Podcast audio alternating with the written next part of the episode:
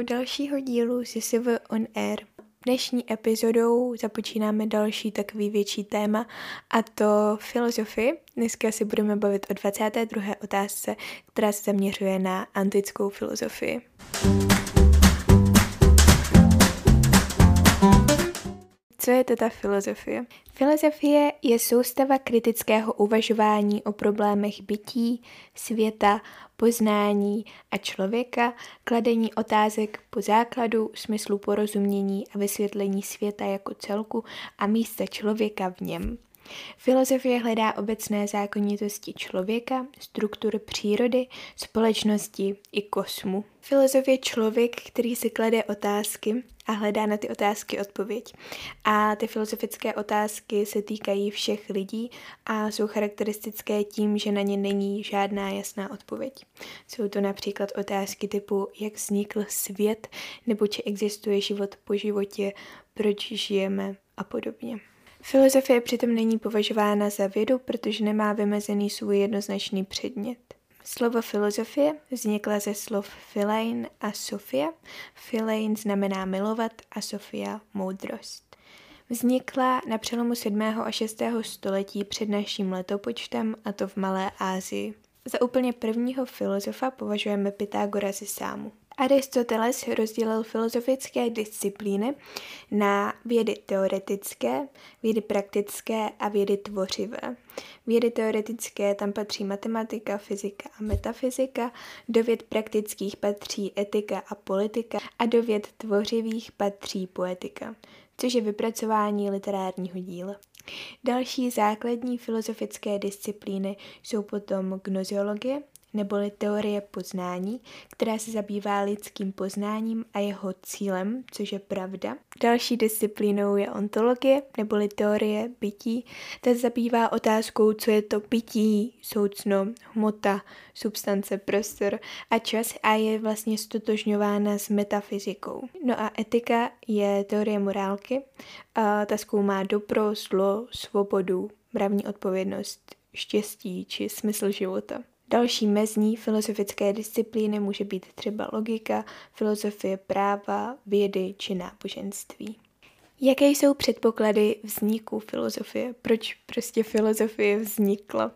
Období předtím, než vznikla filozofie, se nazývalo období mýtické. Mýtus je určitý příběh s náboženským či symbolickým významem. Člověk si považoval před filozofií za součást světa, nevyčlenoval se a vše považoval za samozřejmé.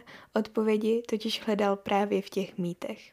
No a filozofie tedy vznikla proto, že um, se rozvíjelo svobodné myšlení a člověk se začínal ze světa vyčlenovat a už nebral všechno za samozřejmé.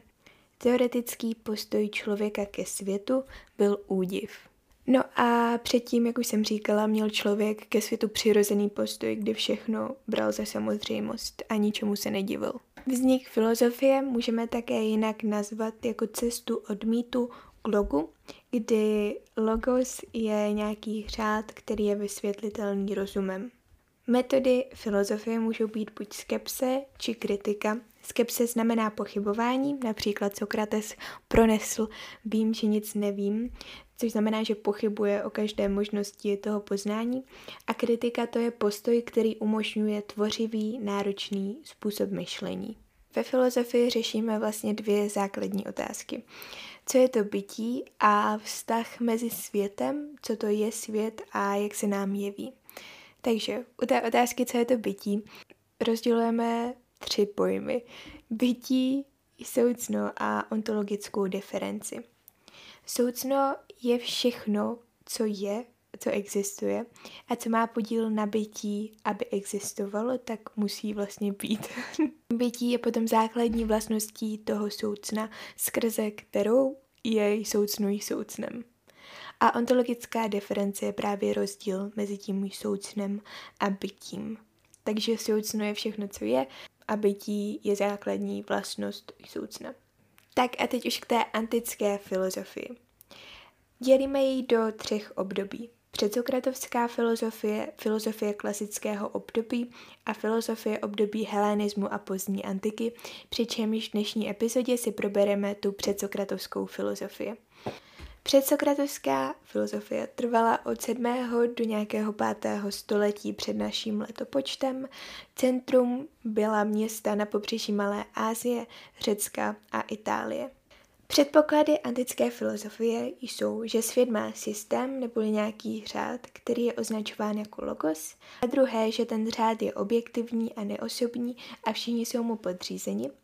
Za třetí, že člověk je obdařen rozumem a je schopen racionálně myslet. A čtvrtým předpokladem je, že rozum řeckého myšlení je takzvaně nazíravý, což znamená, že člověk je schopen skrze ten rozum poznávat nejen svět kolem sebe, ale i to, co je za tímto světem. Prvním směrem antické filozofie jsou miléťané, neboli přírodní filozofové.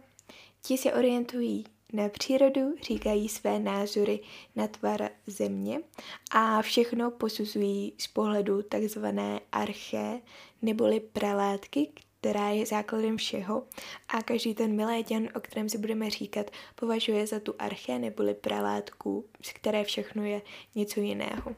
Představiteli byli Thales z Milétu, Anaximandros a Anaximenes. Thales z Milétu považoval za arché vodu. To je podle něj ten živoucí základ všeho. Thales byl také panteista, což znamená, že říkal, že všude je plno bohu.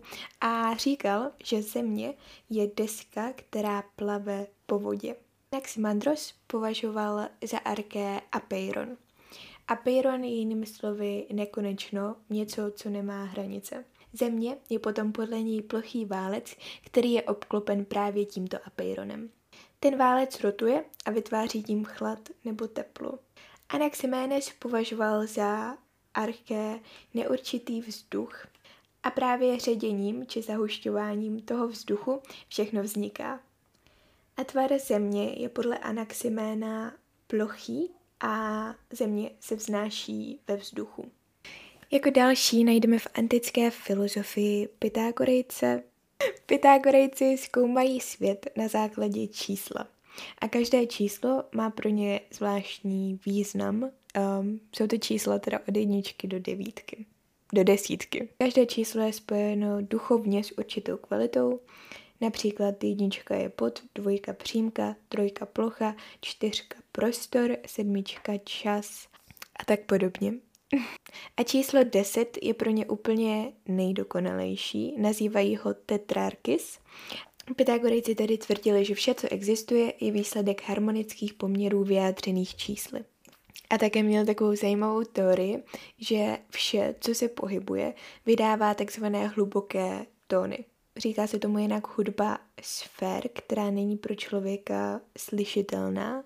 Zvuk vydávají totiž všechna pohybující tělesa, i nebecká tělesa, ale vzhledem k tomu, že tady byla od jak živa, tak si lidé na ten zvuk všimli a už si ho jakoby nevšímají. Přirovnání je například, že když člověk bydlí u vodopádu, tak si na ten hluk zvykne a ignoruje ho, jakoby neslyší ho v podstatě.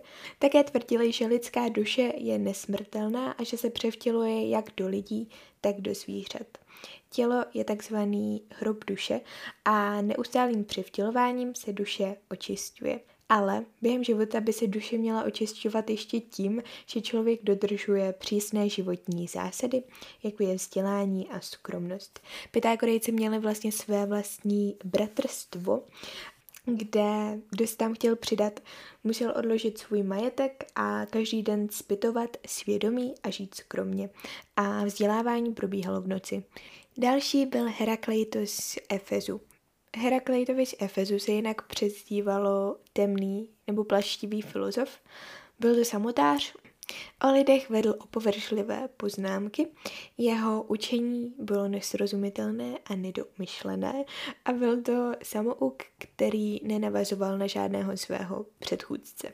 Herakleitos vytvořil dynamickou koncepci soucna. Znamená to, že soucna se neustále mění za základ světa považoval Herakleitos většině živý oheň, který se rozněcuje a zhasíná podle míry, neboli podle loga. Podle něj se řídí příroda a je to společný prvek pro všechno. Jeho nejznámější myšlenkou je ale asi Pantarej. Byly teorie, že vše se neustále mění a vše plyne, nic netrvá. Vše je prostě v pohybu. Plyne z toho přísloví, že nelze stoupit dvakrát do stejné řeky, protože řeka plyne stejně jako všechno ostatní, tudíž není možné do ní vstoupit dvakrát. Taky přišel s dialektikou, přičemž říkal, že protikladné věci jsou identické a že tím bojem protikladných sil vznikají a zanikají věci a tento neustálý boj utváří celistvost světa. Další skupinou filozofů v antické filozofii jsou Eleate, kteří pochází z města Elea. Ty řešili vztah mezi epistéme a doxou. Epistéme je pravé poznání neboli výsledek práce rozumu a doxa je pouhé zdání neboli výsledek klamu smyslu. Byli tady Parmenides z Eleje a Zenon z Eleje. Parmenides Eleje se odvrátil od smyslového poznání, protože říkal, že nás poutá k přírodě a to je špatně, protože příroda podléhá změně, což znamená, že může být, ale i nebýt. Skutečným světem je podle něj takzvané jediné bytí, které je jediné, nedělitelné, stejnorodé a neměné. A tohle rozumové poznání nás vede k pravdě neboli takzvanému skutečnému vědění. Typické pro eláty je, že odmítají pohyb a říkají, že neexistuje. Parmenides to řekl jako první a tuto teorii potom potvrdil právě ten Zenon z Elie a to pomocí aporií. Aporie jsou logické paradoxy, neboli takové obtíže, do kterých se člověk dostane, když předpokládá, že existuje pohyb. Pokusím se ty aporie vysvětlit. Takže Zenon přišel s aporií půlení, s Achillem a želvou a s aporií letícího šípu. Tohle bude strašně těžký vysvětlit, ale pokusím se brát všechny své mluvnické schopnosti a přiblížit vám trošku každou tu aporii. Takže, aporie půlení. Máme bod A a bod B a mezi těmi body je nějaká jakoby vzdálenost, kterou budeme půlit. Když přepůlíme tu vzdálenost od A do B, tak budeme v nějaké půlce, kterou nazveme třeba C. Když spůlíme vzdálenost od C do B, tak budeme mít zase jakoby půlku z té vzdálenosti. A takhle můžeme vlastně půlit do nekonečna. Podle Zenona z Elie vlastně nikdy nedojdeme na konec toho půlení. Další aporii, která dokazuje, že neexistuje pohyb, je ta aporie, která se jmenuje Achilles a žalba. Achilles byl ten antický nejrychlejší běžec. A pokud před tím Achillem vlastně běží, nebo jako jde želva, tak i když jí vlastně ten Achilles doběhne, tak ona už se stihne zase, když o kousek, ale stihne vlastně zase popojít a takže takhle jí zase může dobíhat do nekonečna, ale vždycky se ta želva pohne. Předpokládáme-li zřejmě, že se pořád pohybuje. A aporie letícího šípu znamená, že to, že letící šíp zaujímá v každém okamžiku určitý prostor, ještě neznamená, že se musí pohybovat. Pouze prostě se nachází v určitý moment na určitém místě. Tak, to byly Eliate a další skupinou jsou mladší fyzikové. Ty se nějak tak pokusili sjednotit učení Herakleitů a Eliátů. Vytvořili koncepci, která se nazývala dynamická proměnlivost přírody. Ta říkala, že existují neměné základy bytí a taky dynamický princip, který spojuje právě ty neměné základy bytí a tím vznikají neměná tělesa. Ten dynamický princip potom ty neměná tělesa může rozdělit zpátky do neměného základu bytí. Prvním představitelem je Empedokles, kterému se jinak nazývalo filozof Botička a má velice zajímavý životní příběh, který vám přednesu s radostí.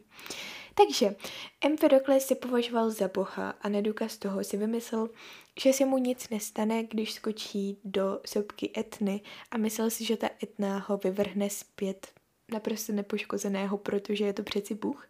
Ale Etna vyvrhla zpět pouze jeho botu a proto mu přezdíváme filozof Botička. Vrátíme se teda k té dynamické proměnlivosti přírody. A Empedokles říkal, že neměnými základy bytí jsou čtyři živly. Oheň, voda, země a vzduch. A ty dynamické principy jsou láska a svár, přičemž láska ty živly, oheň, vodu, zemi, vzduch spojuje a svár je rozkládá. Dalším představitelem mladších fyziků byl Anaxagoras, který říkal, že těmi neměnými základy bytí jsou semena a dynamickým principem je tzv. nůž, kterému se přezdívá rozum či duch, který hýbe světem.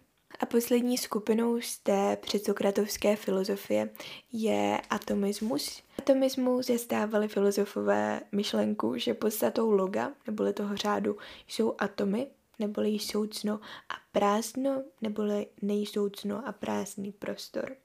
Takže atomy a prázdno. Představitelé jsou Leukippos, Demokritos a Epikuros ze Sámu. Leukippos je zakladatel toho atomismu, ten vytvořil logický zákon dostatečného důvodu, což znamená, že vše, co se děje, se děje podle nutnosti, vše má určitou příčinu a nic se neděje jen tak nadarmo.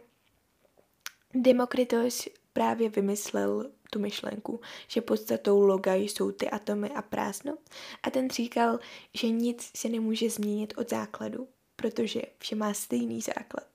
Říkal, že atomy jsou neviditelné malé součástky, které jsou věčné, neměné, hmotné, různě velké a mají háčky a pomocí těchto háčků se spojují. Atomy se pohybují v prázdnu po takzvaně předem určených drahách a můžou se vzájemně spojovat těmi háčky, čím vznikají potom neměná tělesa nebo i lidské duše. A posledním představitelem atomismu a i posledním filozofem, kterého si tady dneska zmíníme, byl Epikuros ze Sámu. To byl odpůrce Demokrita, kritizoval jeho pohyb po předem určených drahách. Epikuros totiž zastával myšlenku, že ty atomy se pohybují paralelně, což znamená ze zhora dolů. A ze své dráhy se můžou kdykoliv vychýlit a svobodně si rozhodnout, zda si chtějí spojit s jiným atomem. Tak to byla celá 22. otázka. Probrali jsme celou předsokratovskou filozofii. Filozofie rozhodně není lehký téma na pochopení. Dělalo mi docela problém pochopit všechny ty myšlenky těch filozofů, protože občas jako chce fakt chvilku si nad tím zamyslet a prostě uvědomit si, co je ten smysl toho. Ale to nevadí, my to zvládneme. Já vám přeji teda opět krásný zbytek dne a uslyšíme se u 23. otázky. Tak si mějte hezky. Ahoj!